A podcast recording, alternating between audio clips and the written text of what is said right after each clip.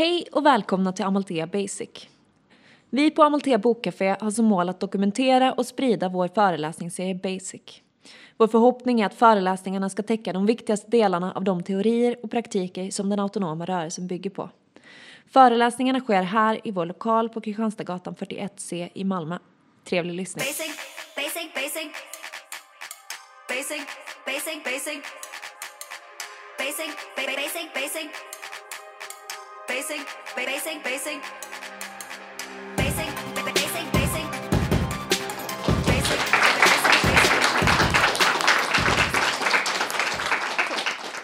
Då kör vi. Eh, jag har mick här för att det spelas in en podd, men det finns inga högtalare. Så säg till ifall ni inte hör vad jag säger, ifall jag pratar för snabbt eller ifall jag pratar för högt. Jag tror inte att det är någon risk, men snarare att jag förmodligen i början kommer så här börja strångt och sen så kommer jag ja, bli familjär och lite så tystare och då får ni säga till att vi hör inte där bak. Och vill man ha platser så finns det här framme. Fyra, fem stycken platser om man inte vill sitta där. Men man kan också sitta där och ha det mysigt. Jag ska försöka se er där bak. Eh, Sara heter jag. Eh, det här är tredje gången jag får lov att hålla den här föreläsningen och eh, känner mig ärad att få komma tillbaka. Eh, också lite nervös för att jag tänker att eh, Ja, vad ska jag säga den här gången? Ungefär samma sak som jag sa förra gången. Eh, så, men ja, Eh, varför har jag den här bilden? Eh, temat är ju rasism, men jag har antirasism och det är för att jag tycker att det är lite läskigt att sätta upp en fet bild på rasism eh, och det vill inte jag sprida utan jag tänker så här eh, Eh, jag tänker att jag vill sprida antirasistiska manifestationer, eller saker som står för antirasism, för motstånd, för det tycker jag är viktigt och känns bra. Eh, så därför valde jag den här bilden eh, som säkert eh, de flesta känner till, som är från en eh, antirasistisk manifestation efter eh, en, eh, eller vid en prisutdelning, eh, OS i Mexico City 1968. Eh, och då var det två amerikaner som eh, Tommy Smith och eh, John Carlos som kom etta och trea som bestämde sig för att de skulle göra en manifestation vid prisutdelningen. Och de hade också med sig den australiensiska eh, Peter Norman eh, som kom tvåa. Han var med på det för att de har alla varsin sån här pin eh, för mänskliga rättigheter. Och det de gjorde då var att när eh, nationalsången spelades, den amerikanska, eh, så höjde de eh, sina nävar som hade svarta handskar på sig. Eh, och det var en manifestation för eh, medborgarrättsrörelsen, eller för svartas rättigheter i USA. De hade också inga skor på sig när de gick in, symbol för fattigdom och så vidare som många svarta levde i då och fortfarande gör. Eh, och ja, det blev stora konsekvenser för dem och det finns dokumentärer att se om det och så vidare. Eh, men det är i alla fall en manifestation och en, eh, en protest eh, som jag tänker är viktig att lyfta. Det finns såklart många fler. Det här är ett exempel. Varför är jag här? Vem, vem är jag? Eh, Jag blev inbjuden då för första gången förra gången för att eh, de eh, hörde av sig till eh, tidskriften Mana som är en eh, antirasistisk kulturtidskrift. Och där sitter jag i redaktionen och frågade om det var någon som kunde tänka sig att hålla ett föredrag om rasism. Så sa jag okej, jag kan prova. Och det var kul, så kom jag tillbaka. Eh, Så vill man liksom fördjupa, för idag är det ju bara basic som namnet eh, säger. Så vill man fördjupa sig så är till exempel ett, alltså ett sätt att göra det på är att eh, läsa den här tidningen. För vi har olika teman för varje nummer och så, så fördjupar man sig. Och vi har många olika perspektiv. Eh, vi försöker tänka kring klass, kring genus, kring sexualitet och så vidare. Men antirasismen är ju det som eh, ska liksom genomsyra alla artiklar. Eh, och så. så det är ett tips. Jag kommer med fler tips på slutet. Ehm, annars så har jag min politiska bakgrund i Ung Vänster och Vänsterpartiet. Där eh, jag har varit aktivist och eh, lite på slutet där lite parlamentariska uppdrag och så. Eh, och lönearbetar gör jag som psykolog i grundskolan i Malmö. Nyfiken på det. Så det är jag. Eh, jag är såklart nyfiken på vilka ni är. Eh, det hinner vi tyvärr inte gå igenom för då skulle tiden ta slut. Eh, eller nej, det skulle inte ta slut, men jag skulle inte hinna säga så mycket. Eh, för vi har ungefär 45 minuter på oss. Eh, men jag är ändå lite nyfiken, så om någon vill så kan man ju säga vem man är och varför man är här. Annars kommer jag ställa sådana här eh, stand-up-frågor där man får räcka, upp handen eller klappa. Någon som vill berätta vem de är och varför de är här?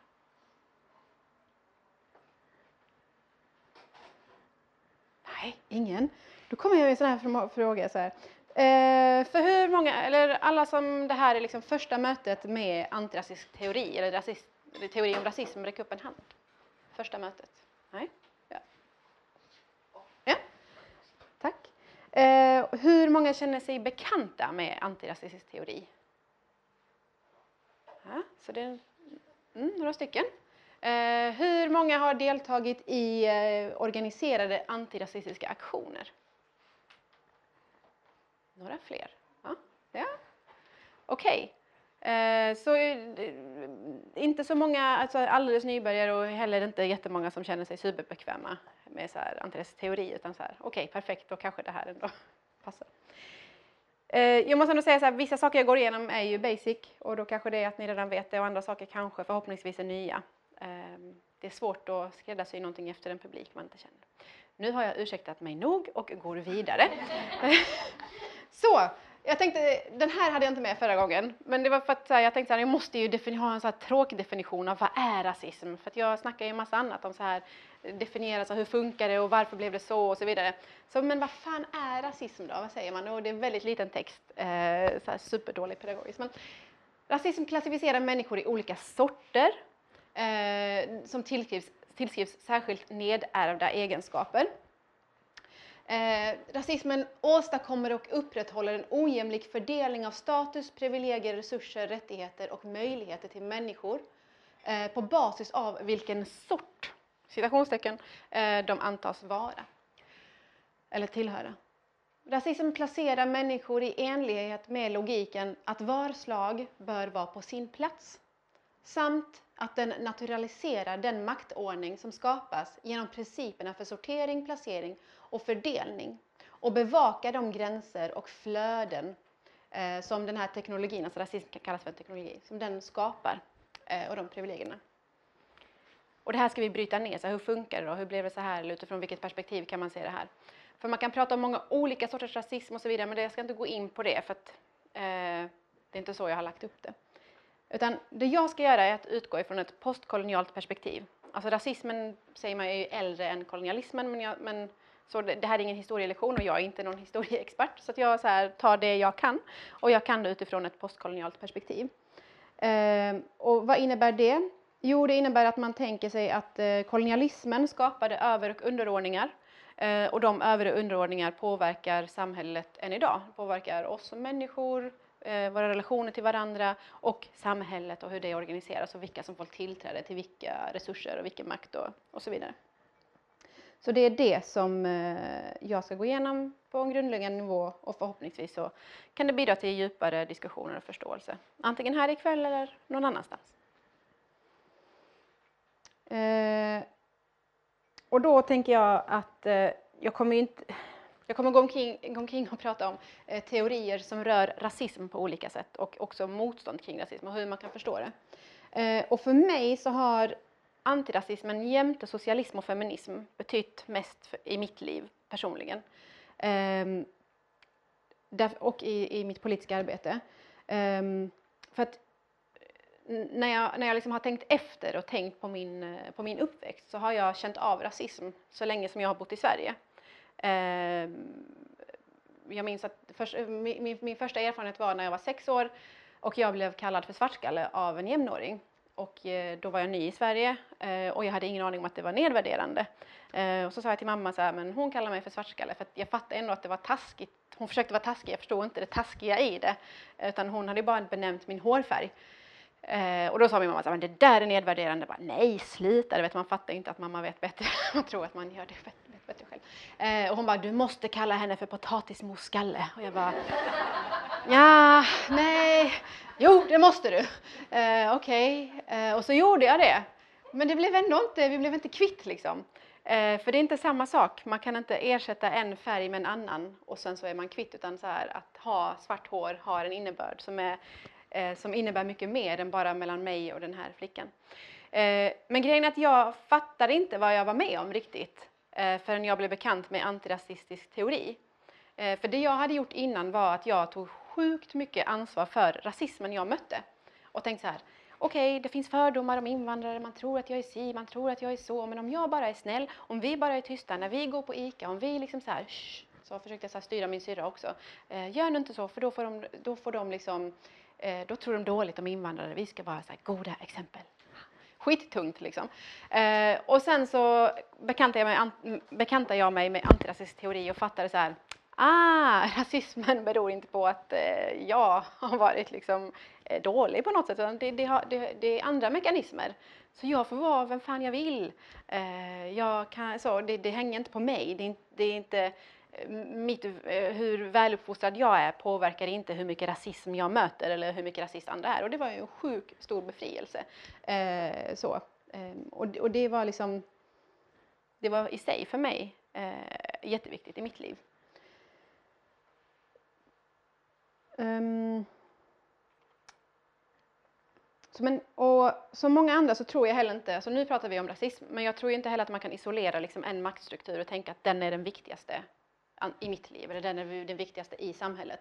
Eh, utan maktstrukturer påverkar ju varandra. Eh, så man behandlas ju olika beroende på vilken klasstillhörighet man har, vilken etnicitet man har eller hur, vilken ras man tillskrivs, eh, vilket kön man har, vilken sexuell läggning man har och så vidare. Så allt det här samspelar ju och beror på vad man är, med vem man är eh, och i vilken position, i vilken roll. Eh, så ah, jag så här, brinner supermycket för antirasism för, och för att förstå rasism och liksom att visa upp det. Men jag kan också se att andra saker har påverkat mitt liv och påverkat samhället i stort. Och liksom, det- är en poäng att se hur, hur det påverkar varandra och det ska jag försöka väva in lite grann idag också. Um, men jag tänker så här, varför är det viktigt att prata om rasism och antirasism?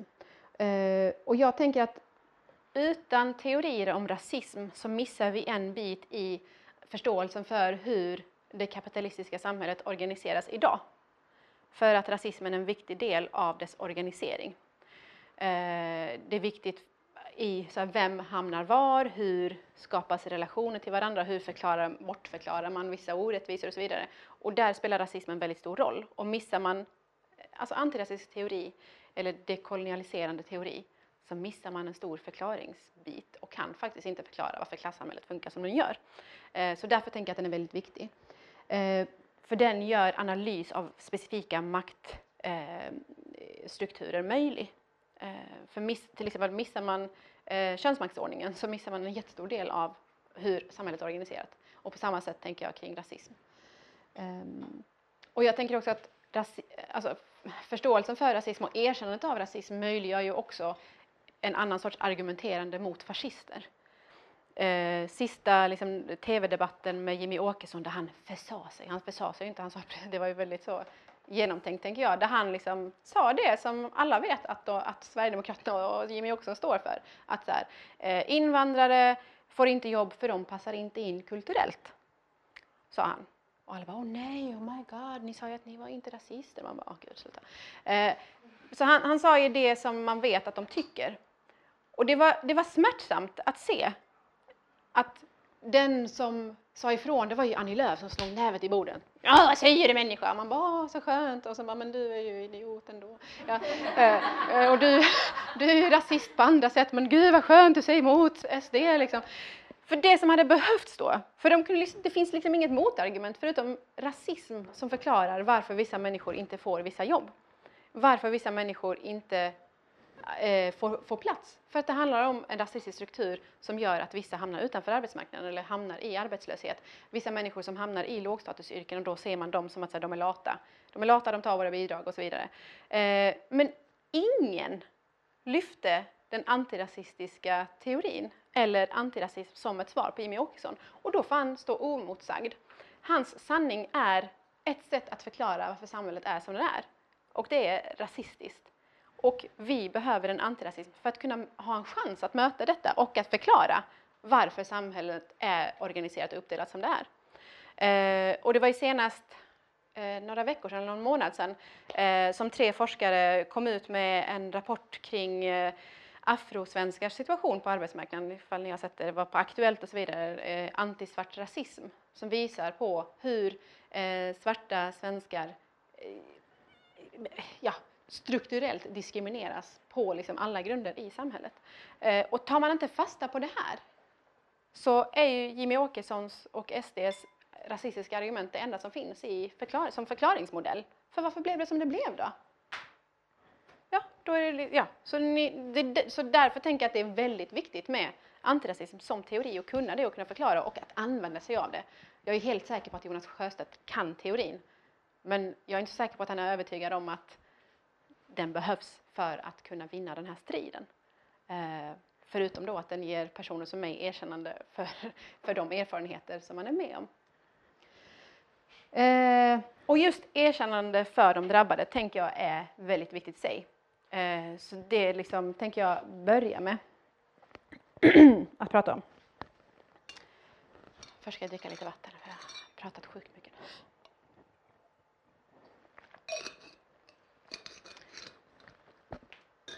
Så jag tänkte bara fördjupa mig lite kring det här som man eh, säger, alltså vad då erkännande av de drabbade, hur kan vi förstå det teoretiskt?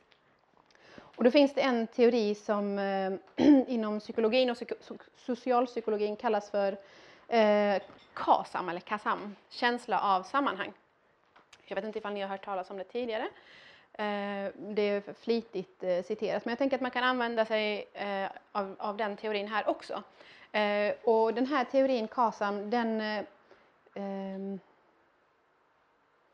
den formulerades av eh, Antonovsky som eh, frågade sig själv hur kommer det sig att eh, vissa, eh, specifikt då kvinnor, som har genomlevt koncentrationsläger, nazistiska koncentrationsläger, ändå idag, då efter liksom andra världskrigets slut, har en god hälsa. Hur kommer det sig att människor som har genomlevt någonting så fruktansvärt fasansfullt ändå kan ha liksom, ja, men både sin, alltså sinnet i, i behåll och liksom leva hälsosamma liv? Hur kommer det sig? Vad är det som liksom särskiljer dem från, de, från personer som eh, inte har det på det sättet? För det var inte alla som hade det på det sättet. Och då formulerade han någonting som han eh, eh, ja, satte ihop som då teorin kring, kring KASAM, känslan av sammanhang. Eh, och hans slutsats var att om vi upplever saker som förutsägbara, begripliga och strukturerade så blir de hanterbara och meningsfulla. Alltså inte meningsfulla som att man håller med om det som händer utan man förstår varför det som händer händer. Och därför så blir det också värt att investera sin energi i att försöka få det att vara annorlunda. Eller att försöka hantera det och bara okej okay, men det här, det är som det är för att mhm. och jag kan se de här, de här mekanismerna och då blir då tar man ett aktivt ställningstagande i hur hanterar jag då det? Vem är jag här och vilken makt har jag att påverka eller inte påverka och hur ska jag då istället göra? Ehm, och då eh, så, så, eh, så ökar chanserna för att trots att man möter stora orättvisor så kan man må bra. Eh, och då tänker jag att då blir antirasismen också viktig för, eh, för vårt välbefinnande helt enkelt, för att människor som drabbas av rasism ska må bra. Eh, för drabbas av rasism gör man ändå, man, man liksom flyr inte undan utan rasismen letar upp dig. Eh, och sen så blir ju antirasism ditt försvar. Eh, och det kan ju antingen vara försvar i att man faktiskt gör ett aktivt motstånd. Det kan också vara ett försvar mentalt, att jag säger men jag fattar vad som pågår och det, skulden är inte min. Jag behöver inte bära skammen av det som jag möter utan det beror på någonting annat. Alltså man placerar lite utanför sig själv och sen förstår man hur det påverkar. Så det jag vill säga med det här är att eh, eh, politisk kamp eh, ökar ju medvetenheten och blir på så vis hälsofrämjande. Samtidigt som eh, man också kan ändra materiella förutsättningar för då den gruppen som missgynnas. Så antirasism kan ju både vara till för att då påpeka den antisvarta rasismen till exempel som finns eh, och att tänka sig, men hur, gör, vad, vad, hur kan vi liksom stänga det här lönegapet som finns mellan eh, svarta svenskar och övrig befolkning? Eh, men också hur kan vi ge en förklaring till vad de är med om och ett erkännande som gör att de faktiskt mår bättre i den här situationen. Inte må bättre så att man inte gör någonting åt det, det är inte så någon pacificerande teori jag pratar om, utan att må bättre för att faktiskt också kunna orka göra någonting åt det. Eller bara låta någon annan driva. Okej, okay, men lös ni det där så är jag här. Call me when it's over. Så får man också säga. Eh, om man inte pallar, tänker jag. Vad tänker ni? Vad har eh, politisk medvetenhet betytt i era liv? Nu behöver man inte outa sig så här i stor grupp utan jag tänker att man kan fundera på det en halv minut. Och så kanske man kan prata med den som sitter bredvid. Jag säger till när det har gått en halv minut. En halva? Nej. Nej, det var en keps. Okej. Är det någon som vill säga någonting?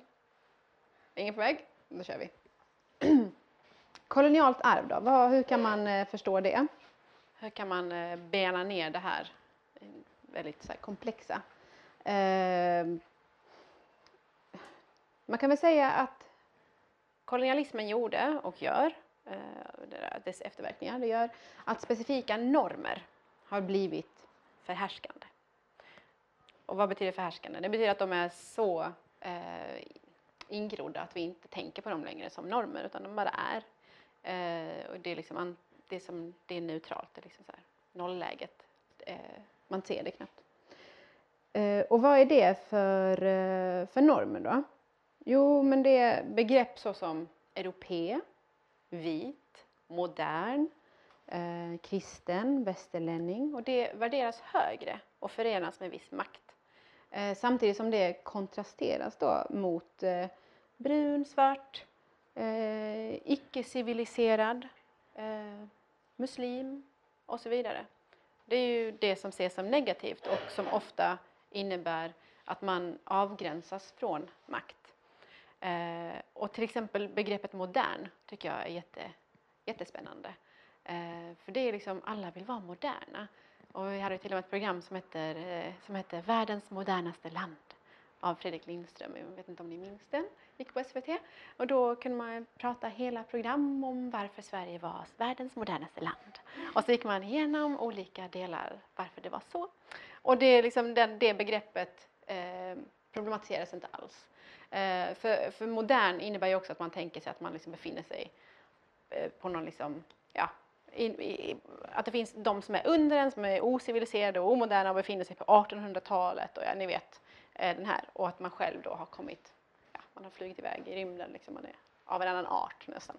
Eh, så det är spännande att lyssna efter sådana ord tycker jag. Eh, men vi kan liksom ta hjälp av vissa teoretiska begrepp för att förstå hur kolonialismens maktordningar eh, påverkar såväl samhällsstrukturer alltså hur samhällen är uppbyggda och fungerar, såväl som enskilda personer och individer, hur det sätter sig i oss. Eh, och en, ett sånt här begrepp, det är ju eh, ras, så kallat ras, eh, eller föreställningar om ras. Ehm, för att även om det inte finns några biologiska raser, alla, nästan alla, är överens om detta, liksom. det finns inga biologiska raser, eh, så är det ändå så att föreställningar om raser eh, är så pass eh, starka att de får eh, materiella återverkningar i, eh, i det verkliga livet. Så man föreställer sig att eh, svarta personer har vissa egenskaper och att de liksom har vissa preferenser och vissa liksom nedärvda eh, egenskaper och då beter man sig så mot den gruppen, eller samhället beter sig så mot den gruppen att det, att det blir så. Förstår ni? Att det får liksom materiella återverkningar och då blir det på riktigt, då blir ras på riktigt fastän det inte finns. För att vi beter oss som om det finns. Eh, så då utgår man liksom från att eh, kulturella skillnader, fattigdom, utbildningsnivå, psykisk ohälsa och så vidare. Då utgår man från att människors utseende liksom kan eh, förutbestämma detta och att det är liksom, att man säger så här, det, det är nedärvt eh, och genetiskt helt enkelt eh, så då tänk, alltså, det här är också tätt kopplat till eh, så kallad eh, alltså kulturell rasism, att man skriver om ras i kultur. Eh, det är kulturella egenskaper och man, eh, ja, man, är, man ärver sin kultur helt enkelt. Eh, fast man, ja. Ibland kan jag bli lite svamlig. Om ni inte förstår eller vill att jag säger, men snälla fortsätt den där meningen för den avslutades nog i ditt huvud men inte ut så är det helt okej okay att säga så här, förlåt hur menar du eller tänker du så här? Ta tacksamt emot. Mm. Eh. Mm. Tätt kopplat till begreppet ras så finns ju det här begreppet rasifiering. Och vad innebär det? Jo, men det är en beskrivning av hur ras konstrueras eh, socialt. Och då ska jag läsa en, eh, ett citat här som, som, som beskriver rasifieringsprocesser. Eh, och då är det att rasifieringsprocesser är associerade till en essentialistisk människosyn som legitimerar den sociala rangordningen utifrån föreställningen om väsensskilda eh, och oföränderliga olikheter utifrån kulturell och eller utseendemässiga tillskrivningar. Och det är en forskare som heter Irene Molina som har fångat det, eh, den här beskrivningen. Och man kan se, säga att rasifiering kan, eh, man kan använda ordet, eller begreppet rasifiering ur två olika dimensioner. Man kan dels se det som ett, eh, sam, en samhällskonstituerande process, alltså att hela samhällen rasifieras. Eh, där det bestäms vilka som jobbar till exempel med att städa våra lokaler och vilka som, eller om man går in på en restaurang till exempel, eh, eller på ett hotell, vilka är det som står och tar emot i receptionen? Vilken hudfärg har de? Eh, och vilka är det som diskar? Vilka är det som serverar? Eh, och väldigt ofta, särskilt om man inte är i sin egen stad, för man är ganska hemmablind, eh, när man kommer till en ny stad så bara oj, oj, oj, hur har de det här egentligen? Så, så ser det ut i Malmö också, bara att jag är helt Malmöblind. Eh, så är det ofta väldigt så här, differentierat efter ras eller föreställningar om ras. Och det är liksom en rasifieringsprocess som man kan tänka på. Ehm, så hur, hur samhället delas upp i skikt och organiseras hierarkiskt. Eh, och den andra dimensionen är ju när enskilda personer rasifieras. Eh, och då ehm, och där handlar det till exempel om ja, vilka frågor man får eller vilka, vilka förväntningar som finns på mig när jag kliver in i ett rum där folk inte känner mig. Vad antar de och hur beter de sig mot mig? Vilka möjligheter får jag att smälta in i bakgrunden och vara som vem som helst? Vem är vem som helst? Och vem är någon som bara, du verkar intressant. Var kommer du ifrån? kommer du ifrån? Du behöver inte svara. Men, eh, men man får ju sådana frågor ibland och man bara, vad menar du? Eh, och ibland så börjar man svara så bara, åh jag är född bla bla. De bara, nej nej nej, alltså var jobbar du någonstans? Man bara, Jaha. Så man är också själv helt inne i den processen så man vet ju inte heller. Eh, så man är också, man har, man har liksom en förberedelse på vad man ska möta och så vidare. Ehm, och det här har visats i en avhandling förra året från Lunds universitet eh, av Sima Volgast som eh, kollade av eh, ar alltså arbetssökandes eh, villkor. Eh, hur, vilka frågor man får under en arbetsintervju.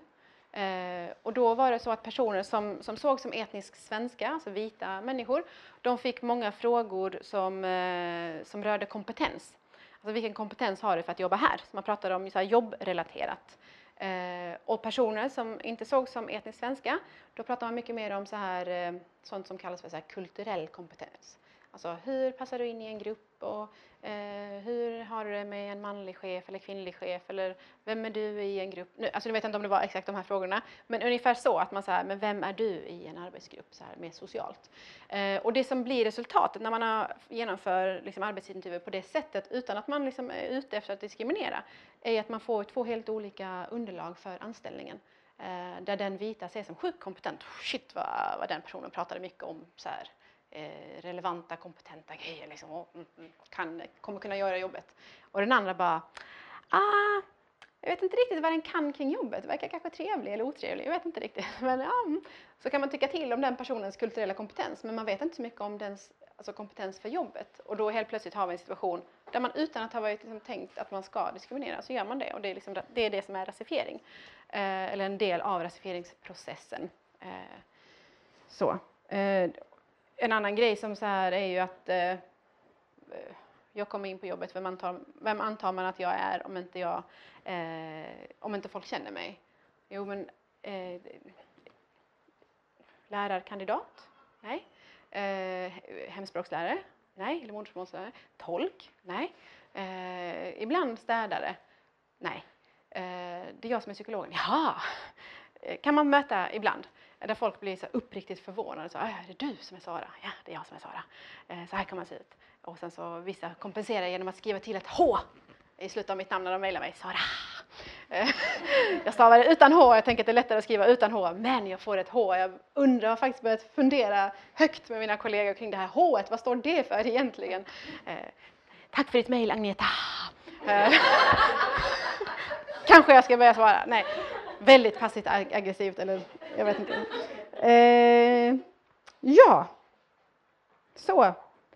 Så det, rasifiering på eh, rasifierings, alltså tankar kring rasifiering eller förståelse för rasifiering kan ju ge förklaringar till varför personer med mörkare hud oftare återfinns i arbetarklassens lägre skikt eh, och kan vara till exempel ett svar på Jimmy Åkesson varför vi inte passar in eh, kulturellt. Eh, det är ett annat, ett annat sätt att, att eh, analysera eh, hur, hur det är. Liksom. Yes. Ett, ett annat begrepp som är vanligt förekommande är ju vardagsrasism. Och det här är inte meningen att det ska liksom ses som någonting som är trivialt för det är någonting som sker till vardags. Utan det är mer tanken på att man ska liksom ta ner det på eh, i vardagliga händelser. Eh, så det är liksom kopplingen mellan mikrohändelser, det här lilla, lilla som händer i, i, i, i relationer till liksom varandra, eh, och makrostrukturer, alltså ja, kolonialismen. Eh, och det där lilla h som kommer på slutet. Hur, hur hänger det ihop? Eh, och då är det till exempel här som någon så här, någon, någon vit som måste bara säga ursäkta men jag måste bara fråga, var kommer du ifrån egentligen? Måste, han känner sig tvingad liksom, att fråga detta. Och det är ett exempel på eh, ett maktutövande som, som finns där. Eh, för att man, vad får man lov att fråga? Och vad fan gör man med svaret? Ja, vad gör man med svaret? Jo, då är det så här, då får man ofta någon sån bekräftelse eller så här. Jaha, eh, det hörs inte på dig att du inte är född i Sverige. Hade jag pratat med dig i telefon hade jag trott att du var svensk. Jaha, okej, okay, då hade jag lurat dig alltså.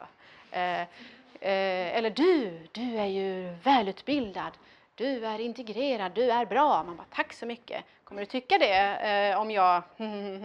att då blir man också villkorad. Alltså det som händer i den, här, i den här konversationen är ju också ett maktutövande. För då ställer sig en person över mig eh, och säger att du får vara med. Jaha, då är det villkorat för det är den personen som bestämmer. Jag, jag, jag är inte självklar. Utan så här, jag tycker du är schysst, så kom, du får vara med. Okej, okay, men får jag göra saker som är oschyssta då? För det får ju det får du. Eh, och jag kan inte kasta ut dig ur svenskheten, men du kan kasta ut mig. Så det är det som man tänker är liksom vardagsrasismen, den här, det här små, små maktutövandet som man ofta inte reflekterar över, utan bara, det bara sker. Eh, mm.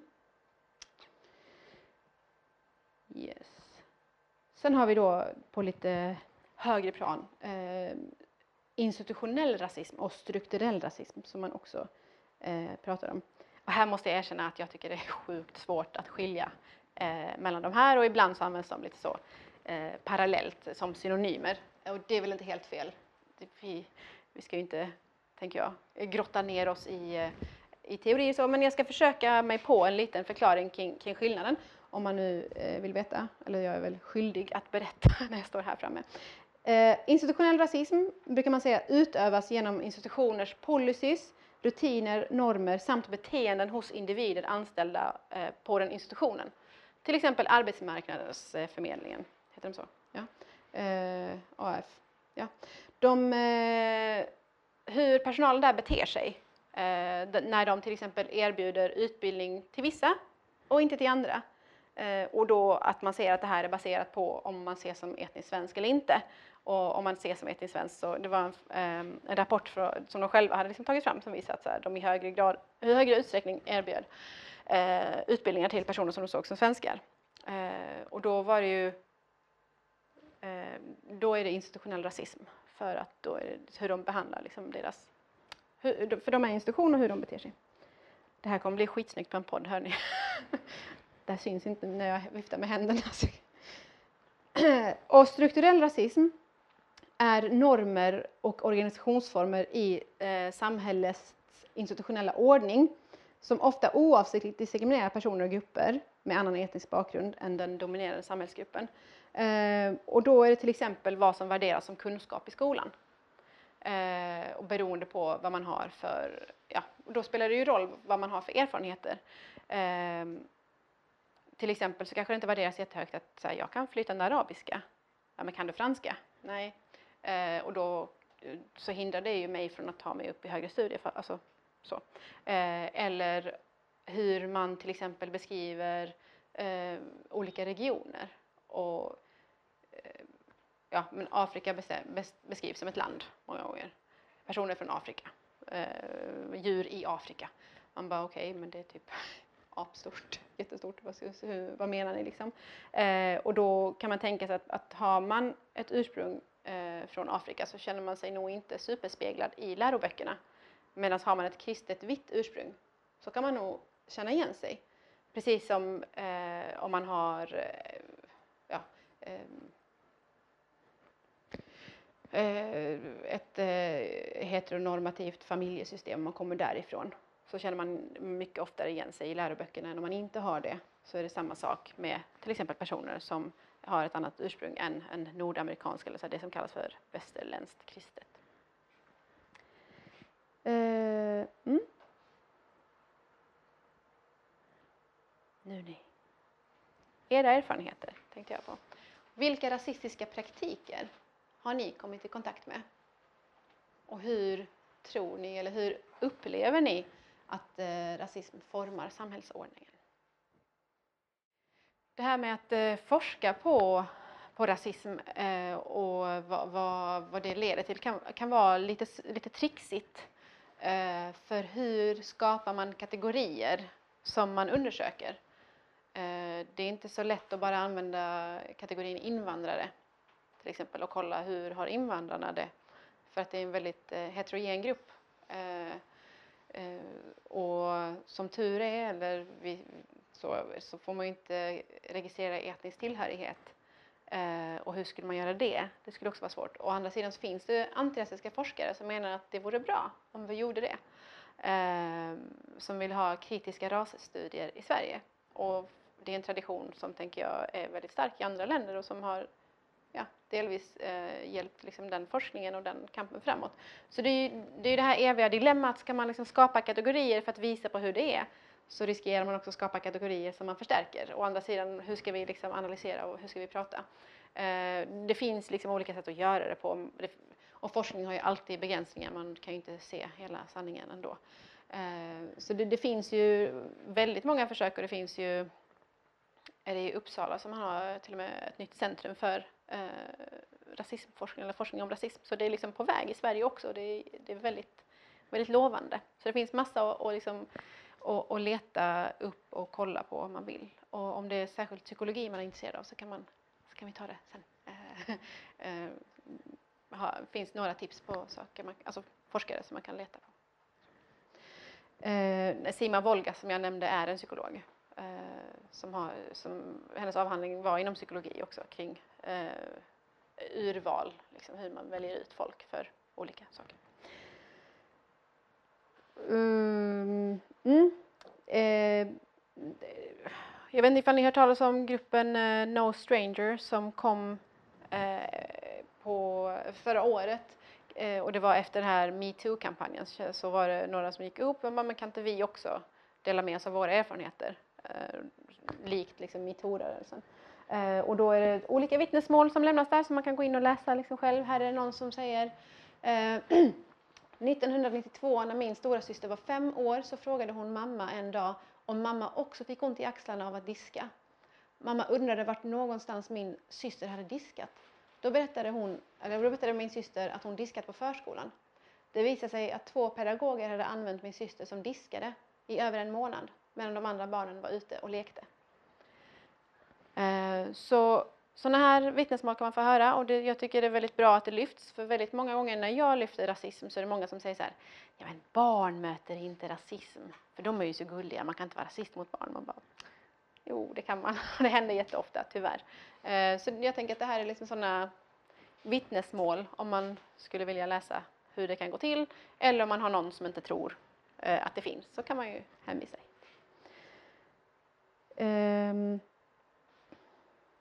andra begrepp som är viktiga att kunna eller som är, som är bra att tänka kring det är ju vithet och vithetsnorm, tänker jag. Eh, det pratar man om, eller bör man prata mer om. Eh, och, och, och, en utgångspunkt här är ju att vi blir alla rasifierade oavsett hur vi ser ut. Eh, lite slarvigt så brukar man hänvisa till personer som ser ut som jag, som rasifierade personer. Eh, men det, då är det ju som att så här, de som inte, vadå, finns det någon som inte är rasifierad? Finns det någon som har liksom något essentiellt, så ett väsen som bara är utan att rasifieras. Nej, vithet är ju också någonting som är konstruerat socialt. Som är, man konstruerar ju eh, den vita rasen eller vitheten Eh, och rasifierar människor som vita och det sker genom olika praktiker. Och man kan också uteslutas ur den om man beter sig på ett visst sätt. Liksom. Så det är också någonting som är konstruerat. Eh, mm. Och, och någon som gör det, som, som liksom rasifierar vithet väldigt tydligt. Och hur, för, för vithet, när man rasifierar vithet eller skapar vithet då försöker man ju fästa så positiva egenskaper vid det och liksom makt och så. Eh, och någon som gör det, har gjort det väldigt tydligt eh, är ju eh, Tobias Billström, om ni vet vem det är. Han var eh, borgerliga regeringens integrationsminister. Han kunde uttrycka sig så att man förstod. Eh, och då sa han eh, om personer som gömmer flyktingar. I en intervju 2013 så sa han Ibland har vi bilden av att, personer, eh, av att personen som är gömd bor hos en trevlig blond svensk dam i 50-60-årsåldern som vill hjälpa till. Men så är det ju inte. De allra flesta bor hos sina landsmän som inte alls är blonda och blåögda. Eh, förstår ni? Trevlig, blond och inte blond och blåögd. Eh, skillnad. Eh, han konstruerar vithet eh, genom eh, sitt eh, sätt att, att, tänka och prata och liksom så. väldigt tydligt. Vithetsnormen i och med kolonialismen eh, innebär att vi har en maktordning där vithet och närliggande begrepp såsom europé, modern, kristen och så vidare eh, har blivit liksom hegemonisk norm världen över och det innebär att när man rasifieras som vit eller när någonting är liksom kopplat till vithet så kommer det med makt. Eh, man hamnar högre upp i hierarkin, eller i olika hierarkier som finns. Eh, mm. Och tätt kopplat till vithet eh, så finns begreppet svenskhet och den föreställda nationella gemenskapen som liksom svenskheten är. Ehm, för det finns väldigt tydliga kopplingar till vithet och svenskhet genom att det finns en utseendebaserad föreställning kring vilka som är svenskar. Eh, och att vara svensk likställs ofta med att vara blond och ha blåa ögon. Eh, annars är man ett undantag eller någon som, ja, ja. Eh, man hamnar i alla fall inte i reklam som så här, svensk. Eh, så. Ehm, mm. Och, och, vad innebär en föreställd nationell gemenskap? Jo, men då, då, liksom, då, då tänker man kring det här att när man, när man bygger nationalstater eh, så måste man liksom eh, trycka specifikt på vissa saker som man så här, säger så här, det här, så här är svenskar och sen så eh, kollar man, så bortser man ifrån sånt som, som inte är så som man säger men man tänker så här, nej men det där, det pratar vi inte om. Eh, utan så här är det. Eh, Eh, så det är liksom mot, eh, den här homogeniteten eller så här svenskheten, den motsvarar ingenting faktiskt i befolkningen utan är någonting som är konstruerat och som man liksom prånglar ut. Alla gillar köttbullar, så är det bara. Gärna med lingon till svenskhet. Så, eh, så, så, när, när, när liksom befolkningen har varit heterogen och skiktad så har man liksom bortsett ifrån det och man menar att så här, nej, men alla, är, alla är likadana och hamnar man utanför så är man körd. Eh, och det finns en kulturgeograf som har skrivit eh, mycket om det här, Katarina Mattsson. Och hon menar att svenskheten liksom ska förstås som en maktposition eh, där agerandet som svensk innebär att man utnyttjar eh, ett privilegium som tanken, kring, alltså tanken om svenskhet medger. Ehm, så, och hur människor kategoriserar, sig själva i relation till svenskhet och liksom hur man blir kategoriserad det står i direkt koppling till vem som har makt att i olika sammanhang definiera och kategorisera. Eh, så till exempel så var jag eh, på, öppna förskolan eh, med min då lite över ettåring som så här gillade att åka rutschkana. Så gjorde hon det, runt, runt, där stod jag. Eh, och så kom det fram en, eh, en pappa som jag kategoriserar som vit, jag hade aldrig träffat honom innan. Eh, och så öppnade han ett samtal med mig. Så tittar han på min dotter och säger han, är hon 50% svensk? Och jag ville inte ta någon fight där, så jag säger jag vet inte. Och han bara jaha, är det en större blandning än så? Ja, så är jag lite tyst och så får han prata lite och så här, det slutar med att han så här eh, att jag inte så svarar direkt på frågan. Han fattar till slut att han kanske har sagt något fel för jag säger någonting. Jag hittar inte orden så jag bara, men jag tycker inte om att så här, bestämma etnicitet på barn eller något sånt säger jag. Och han bara, oj, det kanske var en dum fråga. Bla, bla, bla. Jag bara, mm, jo, mm. go figure. Eh, men, men det som, det som liksom jag hann tänka där och liksom som gjorde mig lite förlamad var så här, men det spelar ingen roll, han frågar inte efter min, liksom, mitt pass, min nationalitet, han frågar efter mina gener. Hur kommer det sig att ungen du är här med är ljusare än vad du är? Vad är det för genbas? eh, och där har inte jag makten att säga så här, jag är faktiskt svensk och det är min dotter också. Eh, det, för det är inte det han frågar efter och jag har inte makten att göra det. Det är han som ger sig själv makten och han som bara puff, drar undan mattan under mina fötter. Och det sker så snabbt. Att han ger sig själv den rätten och jag har ingen, ingen som helst makt. Och det här är så jävla läskigt för jag är med om det så många gånger och jag bara känner så här, ja, du kommer sätta mig på en buss till koncentrationsläger. Du kommer inte stå där och, stå och liksom säga att nej, Sara, hon är bra. Nej, för jag är inte svensk. Och det är liksom, om, om vi börjar liksom tänka så långt så blir det jävligt läskigt. För, för jag har ingen makt att definiera mig som svensk utan jag är helt beroende av att någon tar med mig, tar av mig från bussen. Eh, nej, nu ska jag inte ra eh, raljera så mycket över det.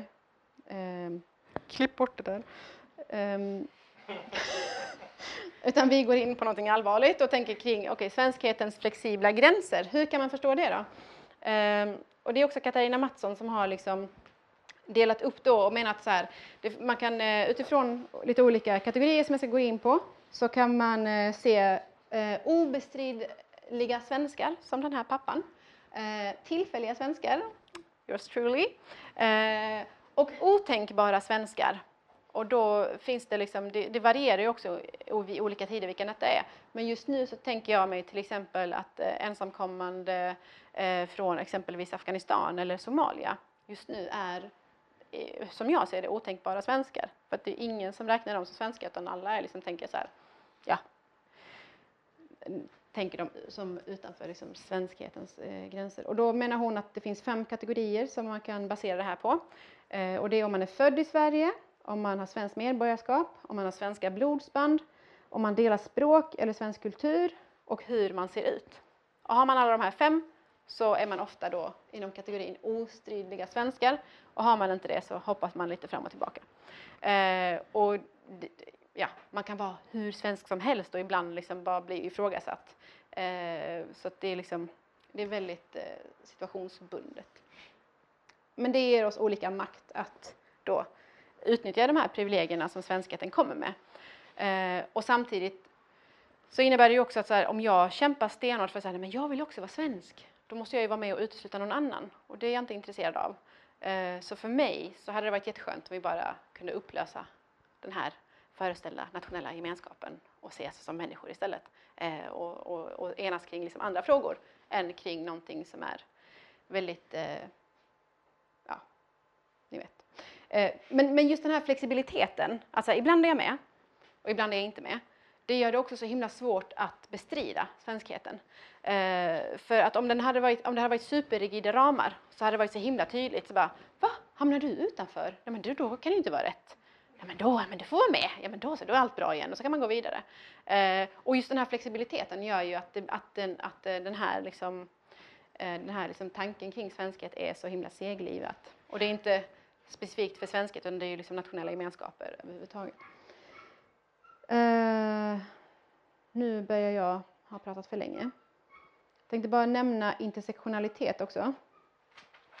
Uh, och intersektionalitet innebär ett erkännande av eller ett sätt att se på uh, maktstrukturer som att man ser att maktstrukturer och hierarkier formar och omformar varandra i olika situationer vid olika tider och beroende på vilka som, som är där. Um, de spelas ut och får olika konsekvenser för olika personer, alltså de här makthierarkierna beroende på. Uh, ja. och, och det intersektionalitet också liksom lyfter är att uh, maktstrukturer är liksom inte additiva. Det går inte att avgöra vem som är mer förtryckt än någon annan eller vilket förtryck som är det värsta. Uh, eller om jag liksom, ja, så att, utan de liksom snarare så, så, så blir det någonting i varje liksom, eh, i varje rum som man är i så skapas det hierarkier och maktstrukturer och de kan man förstå utifrån ja, men till exempel klass, kön, eh, etnicitet, sexualitet och så vidare. Eh, men det är inte givet vilken kategori eller vilken hierarki som kommer vara mest dominerande. Eh, och, och utifrån intersektionellt perspektiv så kan man ju till exempel kritisera delar av genusforskning som menar att kön alltid, eh, att, att män alltid eh, hierarkiskt befinner sig över kvinnor. Eh, utan så i, i, vissa situationer kan det vara tvärtom. Eh, och man kan ha nytt, dra nytta av att vara eh, kvinna snarare än att vara man. Eh, och till exempel när jag gick igenom passkontrollen i USA för jättelänge sedan, eh, nu kan jag nog inte åka dit, eh, men när man kunde det, eh, så tror jag att jag drog ganska stor nytta av att jag inte var man född i Iran, utan jag var kvinna född i Iran. Eh, för jag tror att jag hade fått gå igenom lite förhör och så vidare. Eh, nu fick jag bara lite, nu blev jag bara lite svettig vid den första liksom, passkontrollanten. Eh, och han, jag kunde spela lite dum och sen så fick vi eh, gå därifrån. Men hade, hade jag varit man tror jag det hade varit annorlunda.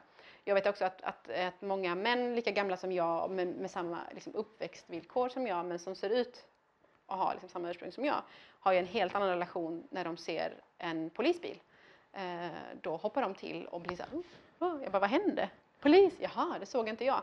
Eh, för att man blir trakasserad av polisen på ett helt annat sätt när man är eh, en man som har ett eh, utseende som är lite mörkare än vad polisen är bekväma med, kanske man ska säga. Ehm. Mm.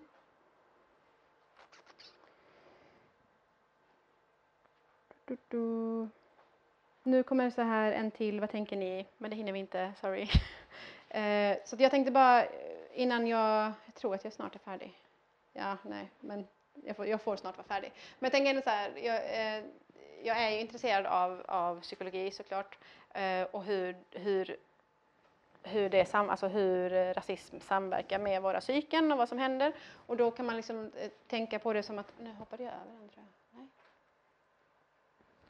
Eh, och då kan man prata om internaliseringar av maktstrukturer. Eh, och det finns en, en, eh, en psykoanalytisk teoretiker som heter Lynn Layton som går väldigt djupt in på hur maktstrukturer formar våra själsliga liv och vilka vi är och vilka vi uppfattar oss vara och hur vi är mot varandra. Eh, och att liksom, det är inte ett undantag att det påverkar oss utan det är snarare en regel. Vi blir de, som, alltså de makthierarkier vi umgås i och igenom. Eh, och, och hon menar att eh, djupt eller så, mänskliga egenskaper som beroende, aggressivitet, kärlek och så vidare. Det, de, de egenskaperna så klyvs. Eh, och, och, och, vissa förnekas beroende på vilken plats man har i den här makthierarkin, eller i olika makthierarkier, och andra förstärks. Eh, och, ja, eh, män eh, antas eh, tänka med den kroppsdelen och kvinnor med den kroppsdelen och ibland med huvudet. Eh, men att man har en sån föreställning om att det är så, så det funkar.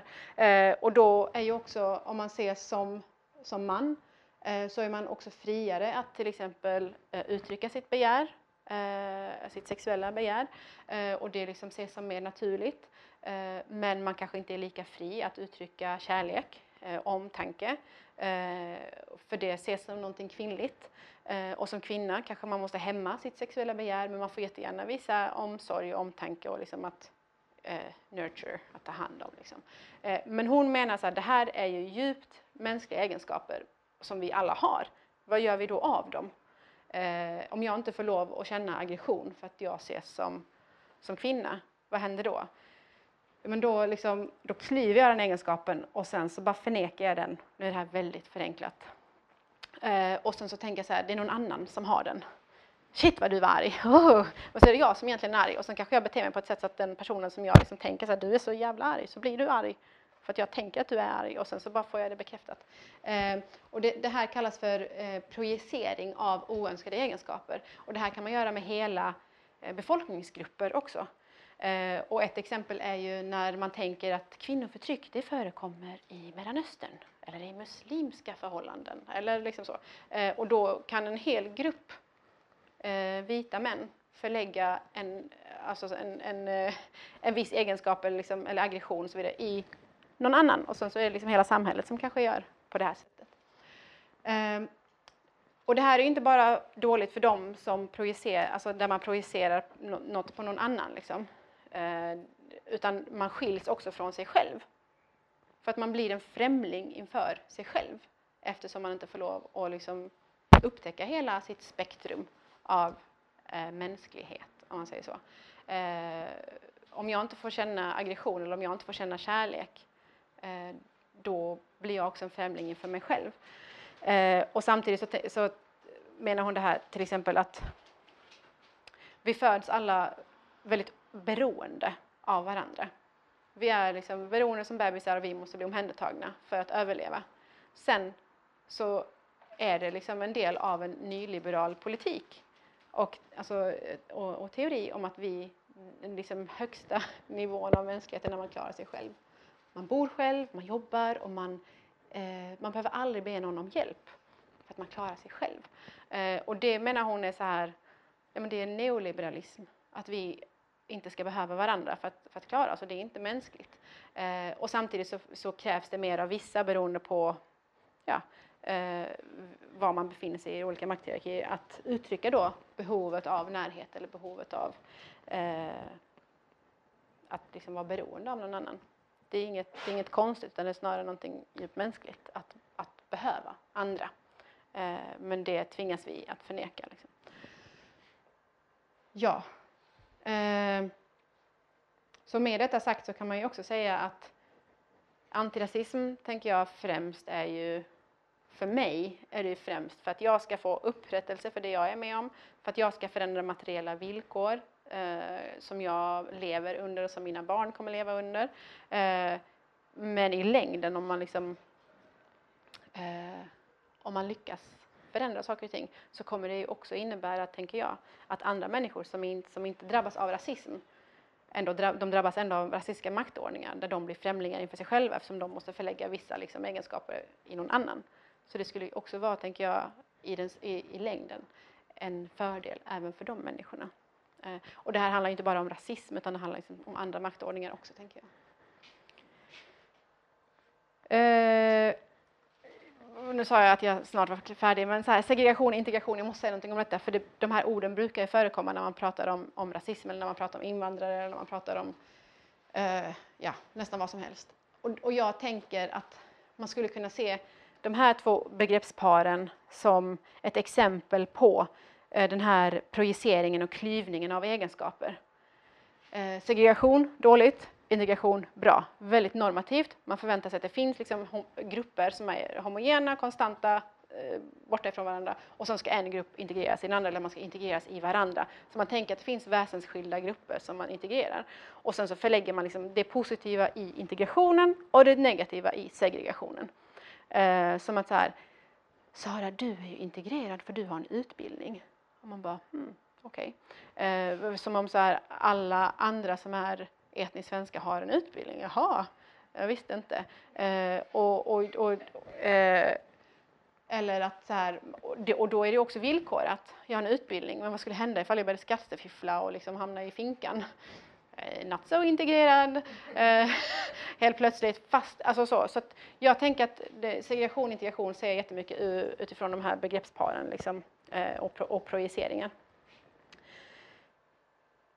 Så, Eh, det jag tänkte säga här var att eh, det, det jag liksom ofta tar med mig är så här, det, det beror inte på mig att det finns rasism utan bara mm, eh, ja, här, jag tänkte ta eh, någonting om white flight, att eh, det sker liksom en flykt ifrån skolor, bostadsområden och så vidare när andelen av befolkningen som ser ut som jag Eh, når ungefär 3-4 procent. Eh, så det är ganska låg tolerans om man säger så. Eh, och då, då sticker man, eller många, som inte ser ut som jag. och det här är någonting som är det är, finns en lång tradition av detta kan man väl säga. Jag har berört detta. Jag tänker att i slutändan så handlar det ju om, om mänskligt värde egentligen. Att olika människor värderas olika eh, och att vissa liv betyder någonting och andra liv betyder ingenting.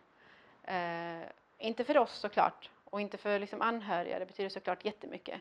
Men det märker man när hur, eh, hur saker och ting eh, uppmärksammas i media.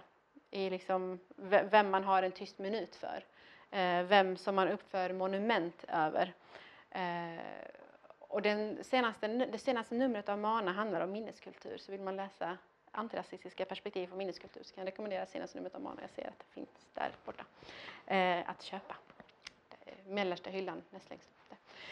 Ehm, och då så tänker jag bara avsluta med en eh, kring liksom flyktingkrisen, eh, som man kallar det, en kris för flyktingarna tänker jag, som behöver lämna sina hem. Eh, år 2014 så eh, var det så att en, eh, en kurdisk linsbonde eh, tog emot tusen flyktingar från Syrien på tre månader. Och det var lika många som Norge kunde tänka sig ta emot på ett helt år. Och då var det en, eh, en journalist som var där och frågade eh, hur det kom sig att han hade tagit in så många flyktingar i sina två rum. Han liksom gjorde av med alla sina besparingar. Och då sa han. Du kan inte mena allvar med din fråga. Har du sett ett skrämt flyktingbarn i ögonen och villrådigheten hos människor som har skilts från sina hem, sina marker, sin trygghet? Det handlar om samvete. Jag kan inte göra annat. Skulle du? Så jag tänker att det här med att det svenska välfärdssamhället inte mäktar med fler håller inte riktigt om en linsbonde kan ta emot tusen stycken flyktingar på tre månader. För det handlar om vilket liv som är värt vad. Så. Nu har jag dragit över tiden. Jag hade förberett en sån här gruppdiskussion. Eh, det- så jag visste att jag inte skulle hinna med den för det hann jag inte förra gången heller. Så istället tar vi den här eh, avslutande reflektioner om någon vill säga någonting. Just det, jag, jag lovade att jag skulle ha lite tips. Det håller jag. Eh, och det här kanske ni redan har koll på. Men om man vill läsa lite skönlitteratur så kan jag rekommendera eh, den, Det där som nästan kväver dig eller Americana av eh, Chimamanda Ngozi Adichie. Eh, och den, den första titeln är liksom eh, massa korta, eh, vad heter det, essäer eller små liksom, korta noveller heter det. Eh, facklitteratur skulle jag rekommendera om man befinner sig på en basic nivå. Bortom vi och dem, teoretiska reflektioner om makt, integration och strukturell diskriminering. Det är Arbetsmarknadsdepartementet som gav ut den, ut den 2005. Eh, och dokumentär eh, så kan man se Black Panther Party, Vanguard of the Revolution. Om man vill, vill man ha tips på barnkultur så kan man också prata med mig sen för det. mm. Ja, eh, tack för att ni lyssnade. Tack för att ni har nickat och lett. Det har hjälpt mig genom detta. Jag är svettig och luktar illa nu, men det har varit trevligt att se era ansikten. Eh, jag hoppas att ni har fått med er någonting. Tack.